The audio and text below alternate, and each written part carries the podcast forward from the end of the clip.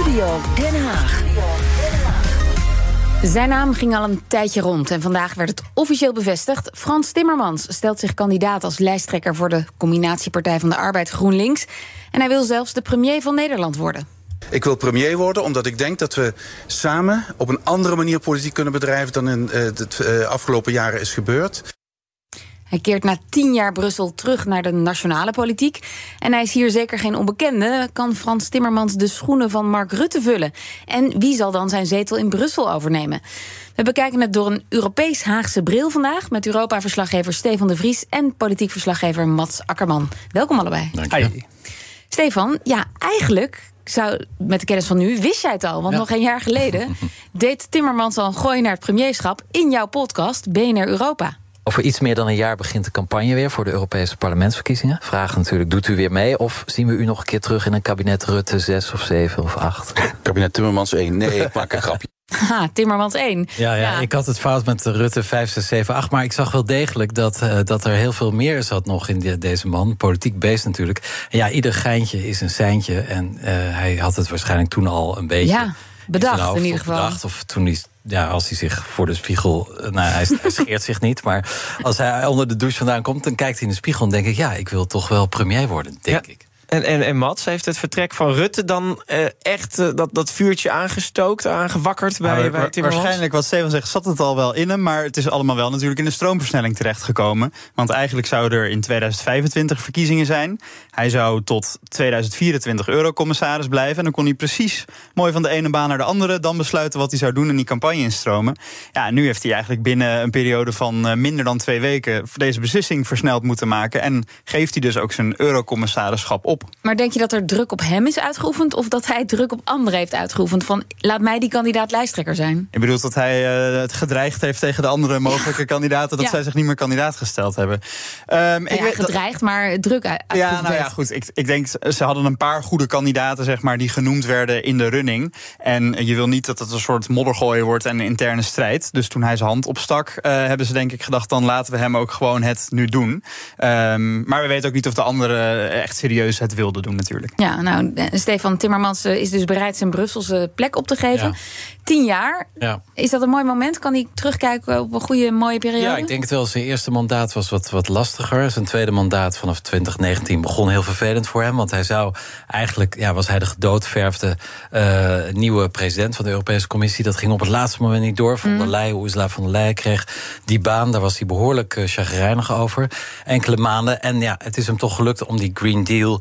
Uh, een van de toch grootste pakketten wetgeving die de Europese Commissie ooit heeft gemaakt, um, er doorheen te loodsen. We zijn er nog, de Europese Commissie is er nog niet helemaal.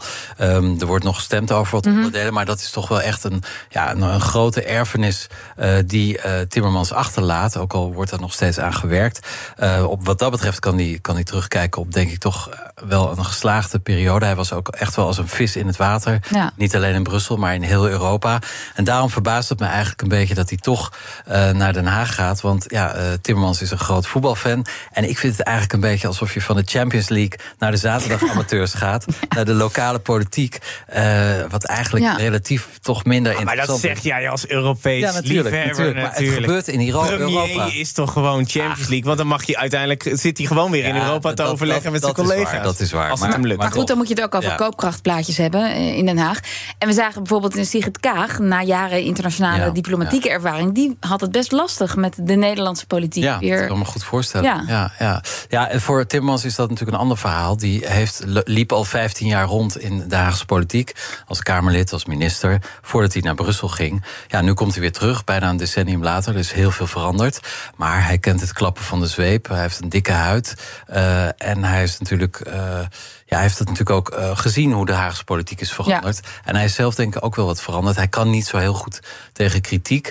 Maar uh, naar verluid is dat de laatste jaren toch wel wat aan het veranderen. Mm. Dus ik denk dat hij heel goed weet in welke arena hij zich uh, begeeft. Oké. Okay. Nou, Mats, mensen kennen Frans Timmermans als eurocommissaris. Maar die, die lange staat van dienst in Den Haag, kun je ons daar nog even mee doorheen nemen? Ja, nou ja, wat Stefan al zegt, het is niet een soort Sigrid Kaag die van buitenaf als een nieuwkomer die Haagse politiek inkomt. Want hij kwam al in 1998 in de Tweede Kamer. Daar heeft hij toen uh, tot 2007 gezeten, dus bijna tien jaar. Toen werd hij staatssecretaris van Europese Zaken in Balken en de Vier. Toen ging hij weer eventjes oh terug de Tweede Kamer in. En toen was hij vanaf 2012 uh, minister van Buitenlandse Zaken. En ik denk dat het moment waar mensen het meest dan aan zullen terugdenken was toen hij een uh, speech moest houden voor de VN-veiligheidsraad net nadat de MH17 was neergehaald. How horrible must have been the final moments of their lives when they knew the plane was going down. Did they lock hands with their loved ones? Did they hold their children close to their hearts? Did they look each other in the eyes one final time in a wordless goodbye? We will never know. Ja, hij kan wel voordragen, maar dit was, dit was ook een beetje gênant achteraf. Ja, want er is nog wel kritiek op gekomen dat hij bepaalde details uit die speech een beetje had aangedikt. Of uh, dat die niet helemaal klopte. Dus heeft hij ook later nog wel weer afstand van moeten nemen dat, dat dat niet helemaal klopte. Maar ik denk dat het wel bij veel mensen indruk maakte. Nabestaanden zeiden toen ook: hey, je, je verwoordt eigenlijk wat iedereen nu voelt. En misschien dat dit dan het moment was dat ze dachten in 2014: die moeten we naar Europa halen, die moeten we eurocommissaris maken. Ja, en Mats, uh, ja, we horen al vandaag: er is gewoon brede steun binnen de partij. Veel andere uh, kandidaten die ook genoemd werden, die, die zeggen nu allemaal wij, wij steunen hem.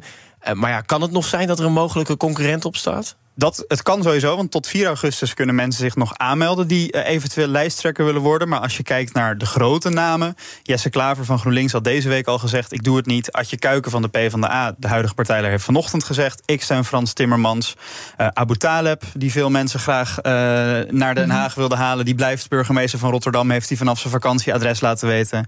En ook Marjolein Moorman, de Amsterdamse wethouder, die zegt: ik blijf me met ziel en zaligheid inzetten voor Amsterdam. Ze komt ook niet op de Tweede Kamerlijst, heeft ze er later bij gezegd. Okay. Dus iedereen legt een beetje de, de rode loper uit, of de rood-groene loper eigenlijk uit Hmm. voor, uh, voor Frans Timmermans. Maar de Partij van de Arbeid GroenLinks combinatie, ja, die wil fris nieuw imago uitstralen. Ze zoeken Kamerleden, zag ik, en juichen daarbij diversiteit toe. Uh, progressief uh, zijn ze. Is het dan wel slim om naar alle waarschijnlijkheid dan een witte 60-jarige man aan het roer te zetten? Ja, dat is een beetje gevaarlijk om dan ook aan een witte man te vragen. Maar goed, um, nou, je bent onder de 60. ja, ja, dat is zeker waar. Um, nou ja, kijk, als je naar diversiteit kijkt, dan kijk je natuurlijk naar de groep. Dus je kan een hele diverse top 10 maken. Maar dan is de, de lijsttrekker is wel inderdaad ja, een, een 62-jarige witte man. En daar heeft hij net zelf ook wat over gezegd. Het is wat, hè, 62 jaar. Um, nou, ik beloof één ding. Ik zal uh, in de campagne geen misbruik maken van het feit dat sommige van mijn concurrenten heel jong zijn en zeer onervaren. Ja, dit was een, was een verwijzing naar Ronald Reagan. Die zei dit in 1984 in de verkiezingscampagne in zo'n presidential debate. Dus het was een directe copy-paste, maar daardoor niet minder grappig. Ja, en de vraag spreekt hij de jonge generatie aan, de millennials of de Gen Z'ers. Ja, dat zullen we moeten zien. Maar hij heeft in 2019 wel bewezen een verkiezingsoverwinning te ja. kunnen halen. Want hij werd in Nederland met de PvdA toen de grootste uh, bij de Europese verkiezingen. En het is niet veel mensen tot nu toe gelukt om uh, de VVD en Rutte in die tijd te verslaan. En hij is, hem is dat toen wel gelukt. En hij is uh, voetbalfan en hij houdt ook van het Songfestival. Dus hij spreekt uh, door generaties mensen aan, denk ik. Ja, spreekt hij ook mij aan, dus blijkbaar. Ja, nee, ik, ik, wist niet dat hij ook een songfestival Ja, zeker. Ja. Stefan, in Europa komt uh, nu ook een plek vrij. Wie zijn ja. dan de mogelijke ja. opvolgers weer van Timmerman? Ja, het is zo dat ieder lidstaat heeft uh, recht op een eurocommissaris. Dus uh, elk land één, 27, dus Nederland ook. Dus die wordt vervangen door een Nederlandse Nederlander? Oké. Okay. Ik denk zelf dat Sigrid Kaag een grote kans maakt. Natuurlijk een vrouw, maar uh, is ook internationaal. Uh, lange ervaring. Um, D66 heeft nog nooit een eurocommissaris geleverd. En het zou toch wel, denk ik, een chique bekroning zijn... van haar korte politieke carrière... waar ze toch echt nu... In Nederland. In ja. Nederland, waar ze weg ja. wil. Dit duurt nog een jaar. Volgend jaar zijn de Europese verkiezingen. Dan in september, oktober komt er een nieuwe commissie. Dus dan zou ze een jaar, anderhalf in Brussel zitten. Um, het lijkt mij een, een, een goede kandidaat... die ook goed zal liggen, denk ik, in Brussel. Um, Krijgt ze dan ook dezelfde portefeuille direct? Nee, dat hoeft niet. Dat beslist uh, Ursula von der Leyen. Ze kan dus ook iets heel anders gaan doen. Um, Fra uh, Frans Timmermans was ook de eerste vicepresident. Dus dat eigenlijk de tweede belangrijkste persoon. Dat wordt zij dan ook niet vanzelfsprekend. Want dat had echt te maken met de positie van Timmermans. Um, ja, het lijkt mij een slimme zet van Ja. eh Rutte. En ik- die en- het voordragen. En ik las ook dat Diederik Samson, die nu de rechterhand is van Frans Timmermans, ook wel interesse zou hebben. Maar het, het Nederlandse kabinet, het demissionaire kabinet, gaat er nog over. Ja. En daar zit geen P van de A in. Ja, gaan ze dan nu in demissionaire status in verkiezingstijd weer een P van de A op zo'n belangrijke plek benoemen? Die kans Misschien dat ze dan denken, nou, dat, daar gaan we Ja. eventjes iemand anders naartoe schuiven. Maar we spraken net al over de Green Deal, de legacy van Timmermans. Die is nog niet afgerond. Hoe moet het daar dan mee verder? Nee, dat zal nog doorgaan. Eh, Dat komt natuurlijk ook. dus er zijn drie onderdelen ehm, van die grote wet. eh, Mhm. De aanpak van de klimaatverandering. Dat gaat gewoon door. Daar was hij wel echt het Ja, boegbeeld van. de motor. De motor. Ehm, ja, dat valt nu weg. Dus er zal iemand anders met ja, waarschijnlijk niet zo kleurrijk als Timmermans en ook niet zo veeltalig ehm, dat moeten gaan dragen. Het is heel belangrijk, er staat heel veel op het spel voor de Europese Commissie. Want er is nog een jaar ongeveer tot de Europese verkiezingen. En het zou heel mooi zijn voor de commissie als die Green Deal dan echt in marmer gebeiteld is. Maar Frans Timmermans zal het niet meer meemaken. Ik zag net op teletext desnoods de Kamer in.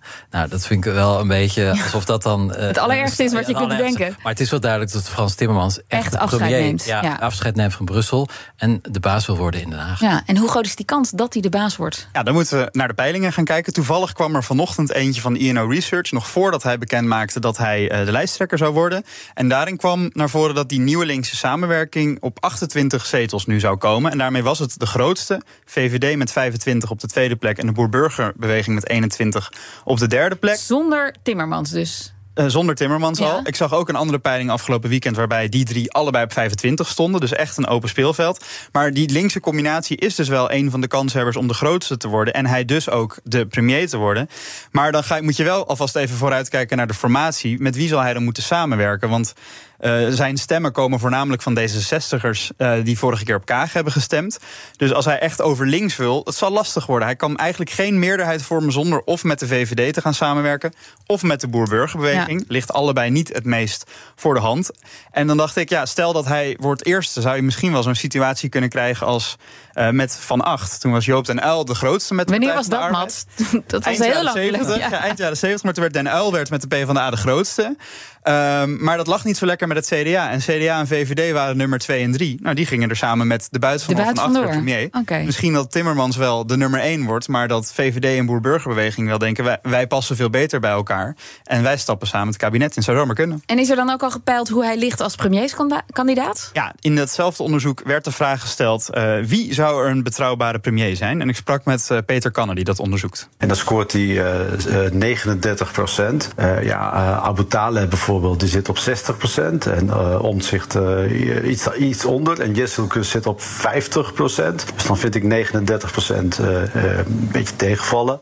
Ja, dus niet de hoogste score. Hij is, er zijn een Ja, aantal die boven hem komen. 50%. Jesselkus is inderdaad hoger. Ook Abu Talib die niet eens mee gaat doen. Eh, en wat daaruit opviel was, hij doet het vooral heel goed onder de eigen achterban. Onder de linkse kiezers is hij populair, maar daarbuiten dus niet. En Stefan, wat denk jij? Is het een eh, premierwaardige kandidaat? Ehm, gezien zijn ervaring en, en, en internationale allure, absoluut. Ehm, maar het, ja, het is ook een omstreden persoon in die zin dat er heel veel mensen haten hem en anderen houden van hem. Ja, er zijn twee smaken, hè, Ja, er ik. zijn echt twee smaken. En, en eh, alles in het midden zal waarschijnlijk niet op, op, die, op dit linkse, nieuwe linkse blok stemmen. Ehm, zijn kansen zijn er, absoluut. Dat hebben we gezien bij de Europese verkiezingen. Ja, we zullen het zien. De campagne gaat, eh, is nog niet Ja, van het wordt wel een leuke campagne, denk ik, met eh, deze lijsttrekkers. Allemaal nieuwe mensen. Ja. Ja, Op één na. Dus die eh, moeten we nog horen. ja. Dankjewel, Stefan de Vries, Europa-verslaggever... en Mats Akkerman, politiek verslaggever van BNR. BNR ben je altijd als eerste op de hoogte van het laatste nieuws. Luister dagelijks live via internet. Jelle Maasbach. Wesley Weert. We zijn er voor je met het leukste, opvallendste, maar natuurlijk ook het belangrijkste nieuws. Tijdens de presentatie van die halfjaarcijfers toen die beurskoers in elkaar kukkelde. BNR Beurs. Voor de slimme belegger. Blijf scherp en mis niets.